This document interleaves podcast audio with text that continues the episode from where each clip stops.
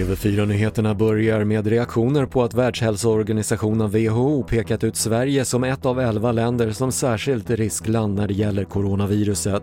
Så här säger statsepidemiolog Anders Tegnell. Att på något sätt hävda att Sverige har en, en risk för att få en, en jättestor ny epidemi och att vi skulle ha en sjukvård som är på väg mot kollaps, vilket man verkar antyda.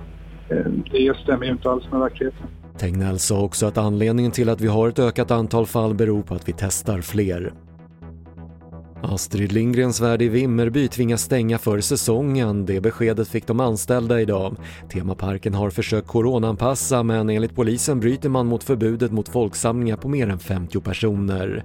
Och en intervju med Astrid Lindgrens Världs VD finns på TV4 Play.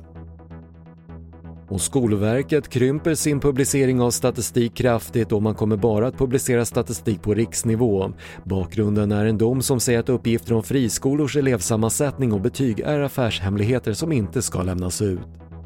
Det var det senaste från TV4 Nyheterna. Jag heter Patrik Lindström.